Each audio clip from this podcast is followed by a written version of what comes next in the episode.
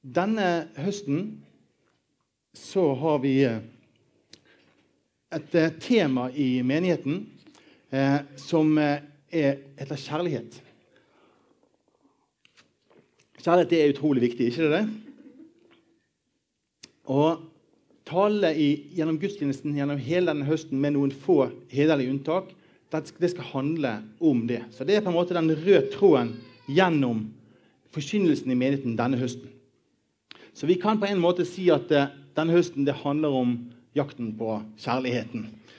Jeg syns det var veldig bra. det Jeg fant jeg opp seint i går kveld. Synes det var veldig bra.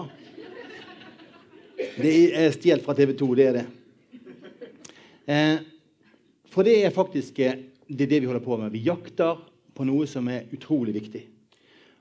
Albert Einstein det er ikke så mange som kjenner han døde i 1955. Han eh, hadde vært veldig gammel når han levde i dag. Han er en av de smarteste folkene som noen gang har levd. Han har funnet opp ting som folk i dag har problemer med å forstå. Når de spurte han hva som var den sterkeste kraft i universet, så sa han det må være renters rente. Det var det han sa. Jeg tror det var en spøk. Eh, ingen skjønte det, ingen lo. Det er ingen økonomer her? Nei. OK. Det er bra.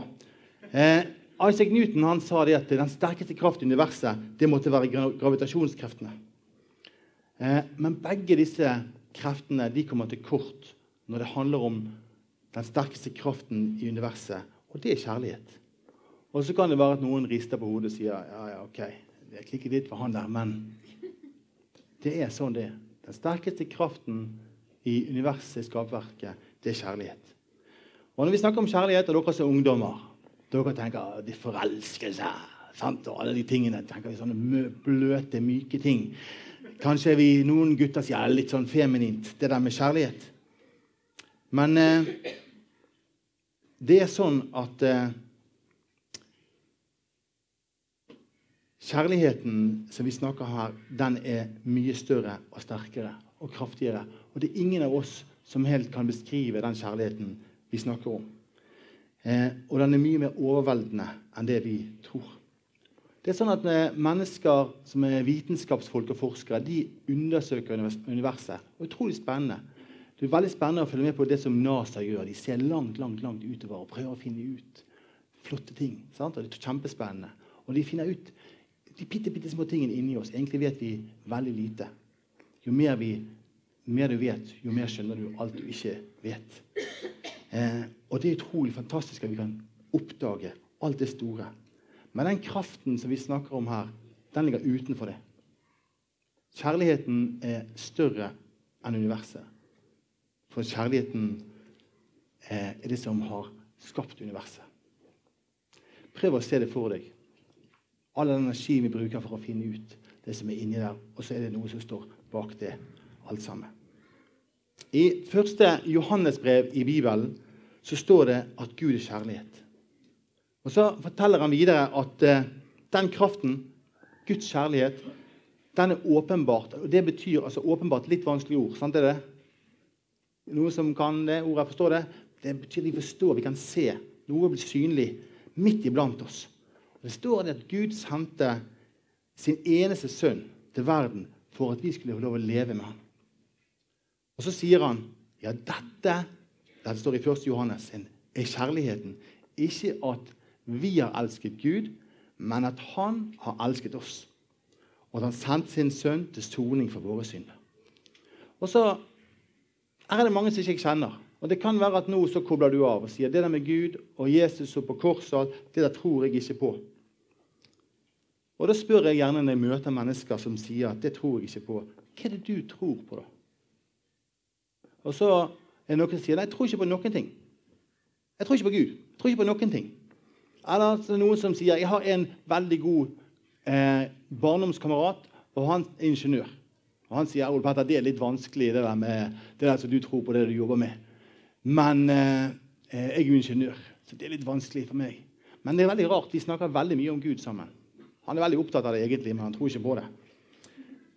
Eh, men jeg skal utfordre dere på én ting. At alle mennesker sier det, de tror på noe. Alle mennesker tror på noe. Men det er ikke sikkert de er klar over det sjøl, at de gjør det. Alle mennesker har en måte å forstå verden på. Og Det kaller vi gjerne for et verdensbilde. Ok? Eh, og Det er akkurat som disse her eh, brillene som er her. Fine briller de er fra Google. Eh, de har jeg utrystet med to forskjellige glass. Ett eh, gult og ett grønt. Eh, og jeg tenker at et sånt verdensbilde det kan være det som å se verden f.eks. gjennom det gule glasset. Da jeg var liten, så var det søndagsskole, da var det sånn det røde vinduet og det gule vinduet. Noen som husker det? På lekestova? Ja, sånn var det. Ok. Du kan se verden gjennom et glass. Eh, og Når vi ser verden gjennom for det gule vinduet det her, Henger dere med nå? Jeg trenger litt sånn nikk hvis noen følger med. Det er to som nikket. Det er bra, da er vi i gang. Ja. Eh, så blir verden farget av det gule glasset. Eh, det fins mange forskjellige ulike glass. Men spørsmålet er alle de eh, glassene like gode. Er det sånn at er alt relativt? Flere av mine venner, bl.a. han ingeniørvennen, han vil si at han ser på verden objektivt. Han er liksom litt ingeniør. Og han sier det at, eh, at han, eh, han, stoler på fornuften og på vitenskapen. Eh, og så Nå må jeg se hvor jeg var her, for nå ble jeg så litt grevet med her. så må jeg finne meg tilbake her. Så opplever han at det å tro Han sier i alle fall det. Jeg skal ikke si hvem det er. At det å tro på Gud ikke er så relevant. Eh, men konsekvensen av det du tror på, uansett hva du tror på, det vil forme de verdiene du har, den moralen du har, eh, og de valgene du gjør. Ja, Uansett om du er bevisst på det du tror eller ikke. Og det er mange som er bevisst på det de ikke tror på. Det er noen som sier ja, det tror jeg i alle fall ikke på. Har dere hørt det? Noen som har sagt det, kanskje? Jeg har sikkert sagt det. Ja, Det tror jeg ikke på. Men spør hva tror jeg på da? Nei, Det er litt vanskeligere noen ganger å finne ut av. Hva er det jeg tror på? Eh, men så er det sånn eh, at om du er ateist, eller om du er agnostiker, eller om du er hindu, så vil du tolke verden veldig ulikt. Vi vil møte verden på forskjellig vis. Eh, og når jeg hører de som sier at jeg, jeg tror på vitenskapen, og det er det jeg baserer livet mitt på, så blir jeg egentlig ganske imponert over den troen de har. For det er så mange spørsmål i livet som ikke en kan svare på bare med hjelp av vitenskapen. Det er, jeg blir veldig imponert når mennesker sier til meg at mennesket jeg, jeg er bare en kompleks sammensetning av kjemikalier.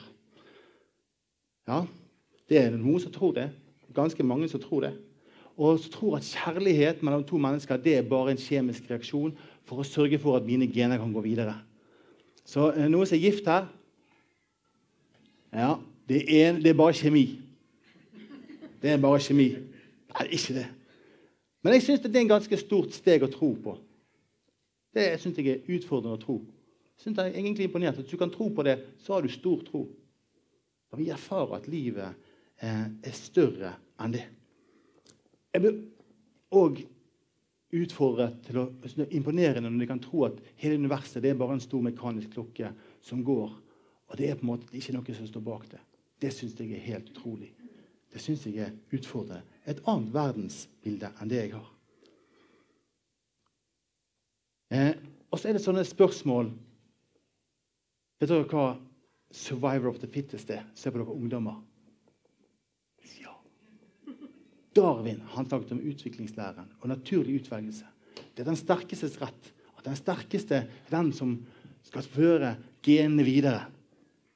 Ja. Men, eh, og det er utrolig eh, spennende, det. Eh, men når vi tar det på alvor, et sånt syn, og bare baserer livet sitt på det, så ser vi at det er en del andre ting som vi oppfatter som utrolig viktige for oss, som på en måte utfordres i det bildet. Kjærlighet, fellesskap, håp og fremtid. For en eh, liten stund siden så var det en dokumentar på BBC. Og Den eh, fortalte om eh, hinduene i India. Og I en by der så var det eh, rottegud. Hvis dere kjenner dere til hinduismen? Mange gjør det. Det er en stor verdensreligion og har mange titusener, hundretusener av forskjellige guder. Og En av disse gudene, rotteguden, han ble tilbedt i, en, eh, i en by. Og Det betyr at rottene der ble sett på som hellige og som barn av rotteguden. Rottene de har høyere status enn mennesker.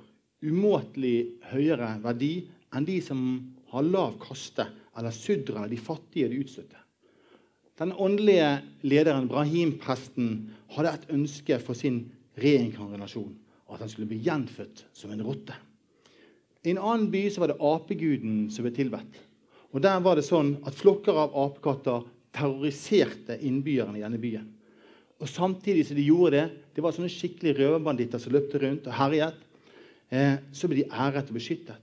Og Apekatter hadde langt høyere status enn fattige mennesker. Hinduismens inndeling av mennesker i ulike kaster og læren om karma og dharma og reinkarnasjon representerer et sett med sånne briller som det der. Det er en måte å se verden på. Jeg tror kanskje dere tar poenget mitt nå. Gjør dere det? Begynner dere å skjønne at det er hva jeg vil frem til? Det at eh, Nå fortsatt jeg fortsette å fortalt om mange måter å se verden på. Se virkeligheten rundt dere på. Eh, for det er mange måter å se verden på. Men er det likegyldig hvordan vi ser på verden rundt oss? Betyr det noe hva du tenker? Et, eh, det verdensbildet du har, det sier noe om hva verdi et menneske har. Eh, nå kan det være at noen blir ut, utfordret deg som sier Har et barn med Downs syndrom eller en fattig, kasteløs jente i India like stor verdi som deg?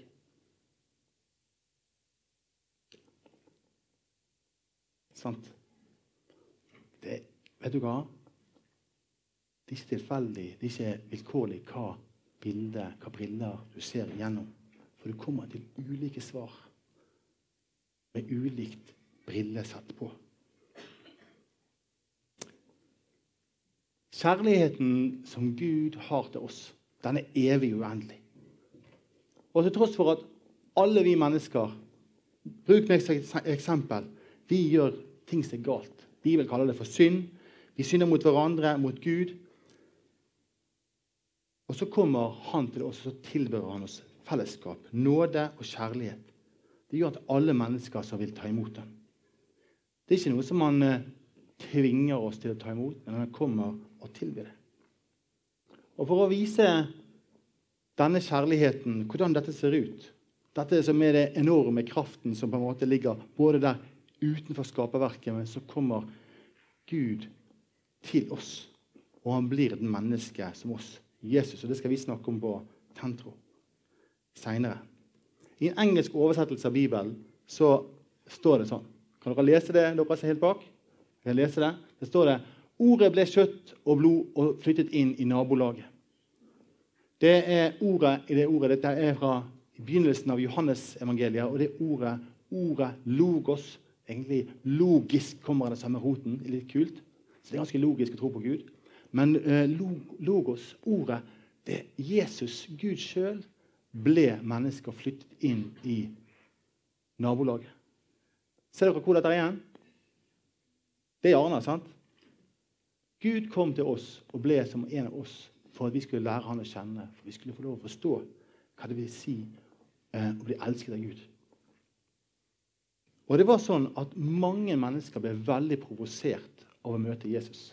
Vi tenker kanskje Jesus. vet ikke om du har sånn, hatt sånne bilder som vi kjører på bruktbutikken, sånne retrobilder med Jesus som er snill. da. Har dere sett sånne bilder? Jeg syns de er fine. Jeg har noen hjemme. Han var utrolig snill. Står Han gikk rundt og gjorde godt. Men samtidig så var han en som provoserte mennesker til det ytterste. Faktisk så sterkt at mennesker til slutt spikret han opp på et kors og drepte han etter det torturerte han. For han var uimotståelig å tåle den enorme, radikale kjærligheten han kom med.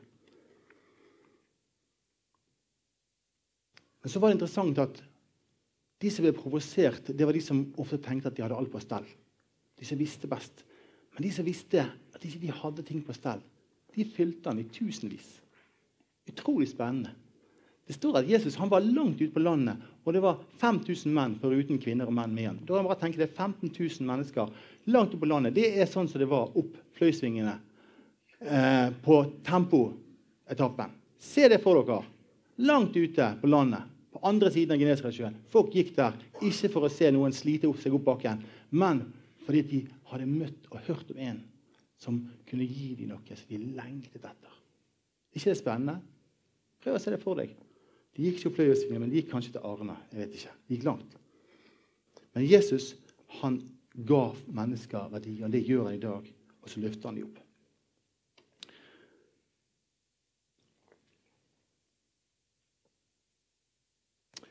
Så det er sånn at jeg, I dag så har jeg fått et tema som handler om med, å være medmenneske. Men jeg har forandret litt på det. Jeg har gjort det til med. Så dere i begynnelsen var en skrivefeil på første sliden. Det sto 'med menneske'. Så jeg har gjort litt om på det. Jeg tror det er viktig. Eh, for når Jesus var ute, så møtte han mange mennesker. Jeg sa at Han provoserte mange. og En dag så kom det en lovlærd mann til ham. Det kan ha vært en advokat som kom til ham. Eh, og så ville han sette Jesus på prøve. For det de opplevde, de ville på en måte ta han. De klarte ikke å ta Jesus. De ønsket å ta og få tak på han og på en måte eh, holde han nede. Så sier denne lovlærde mannen til Jesus Hva skal jeg gjøre for å arve evig liv? Han var en mann som trodde på Gud så spør Jesus hva står det skrevet i loven. sa Jesus. Hvordan leser du?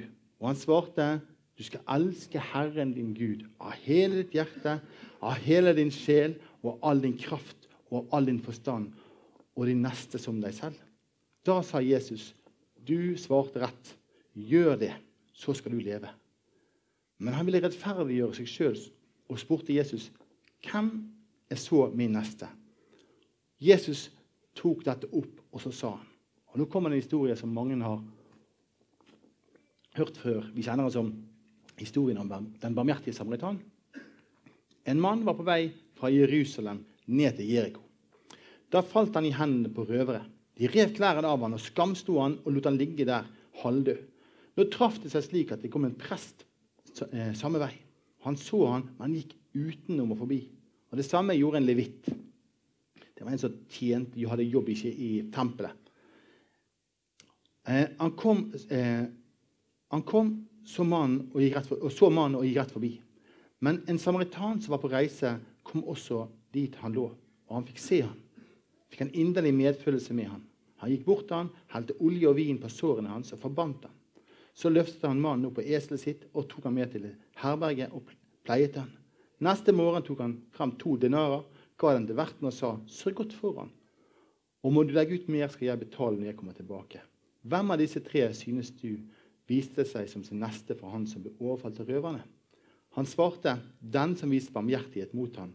Da sa Jesus, 'Gå du og gjør som han.' Fin historie, ikke det?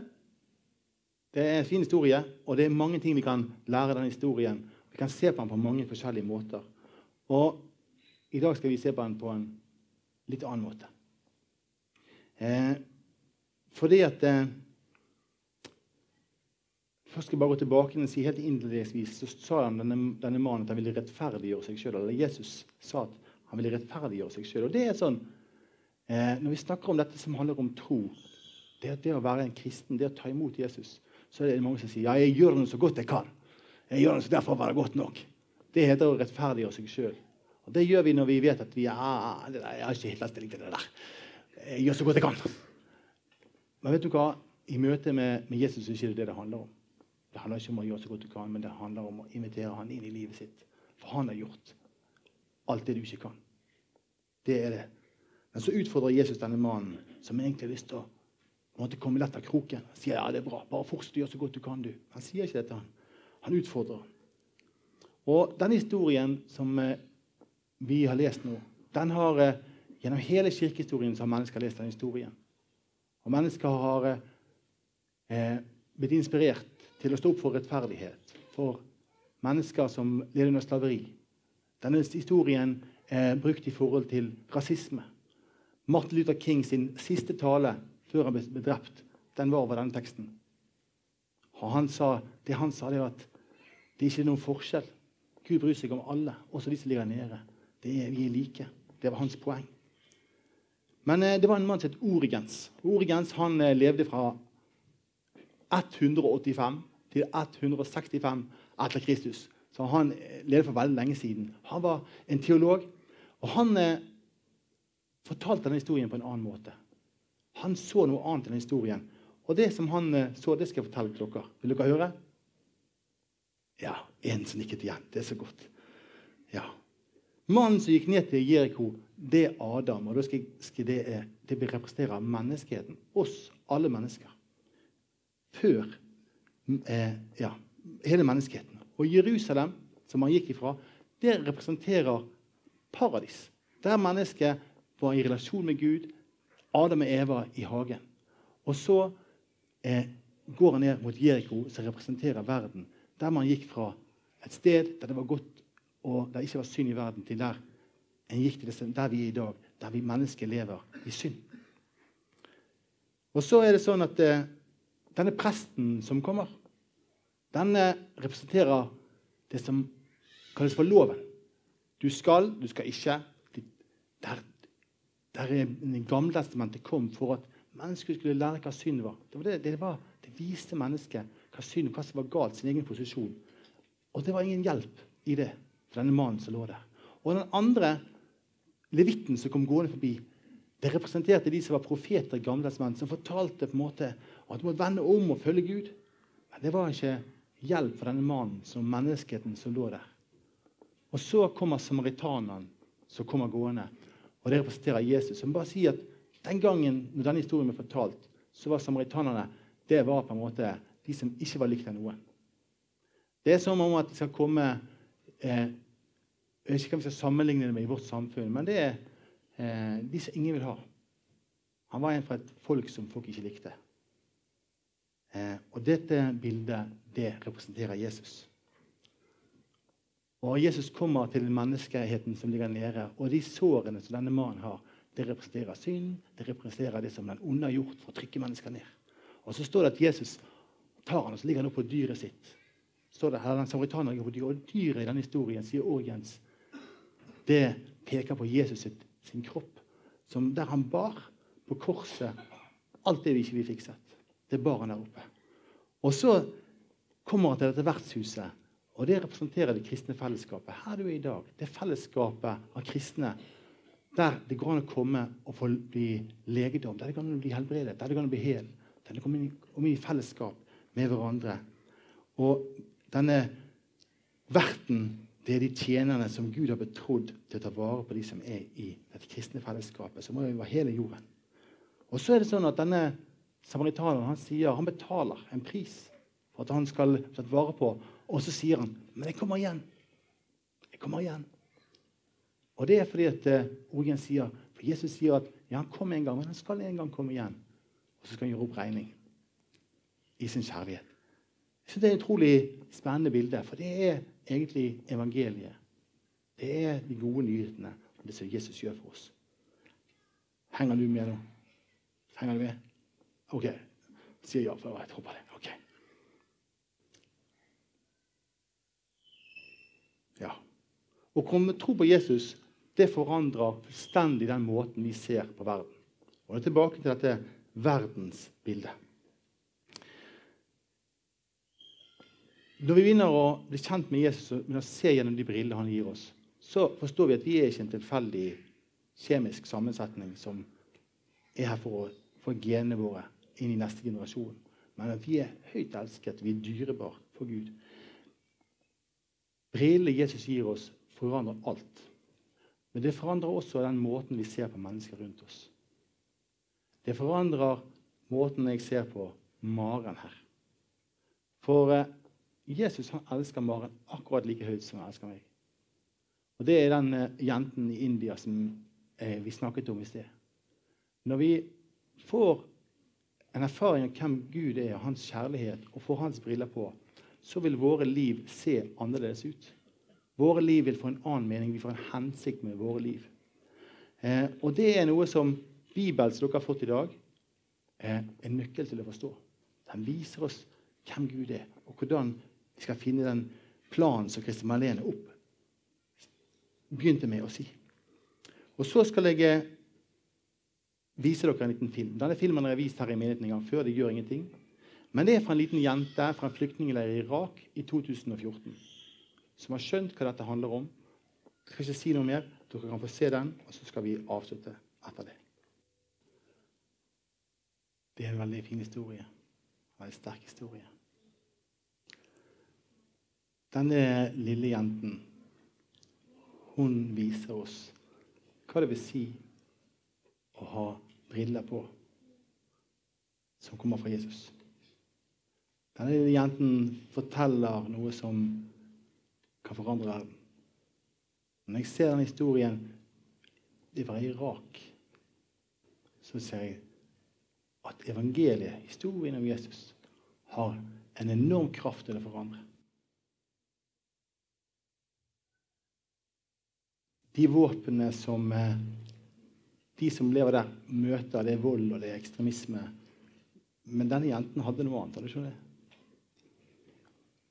Hun bærer på noe annet. Og Sånn er det evangeliet ser ut. Nå lever hun i en ekstremt annerledes virkelighet enn det vi gjør. Men i våre liv så gjelder det samme. At når vi får et møte med Jesus, når vi får lov å få et annet perspektiv på livet, så forandrer våre liv seg.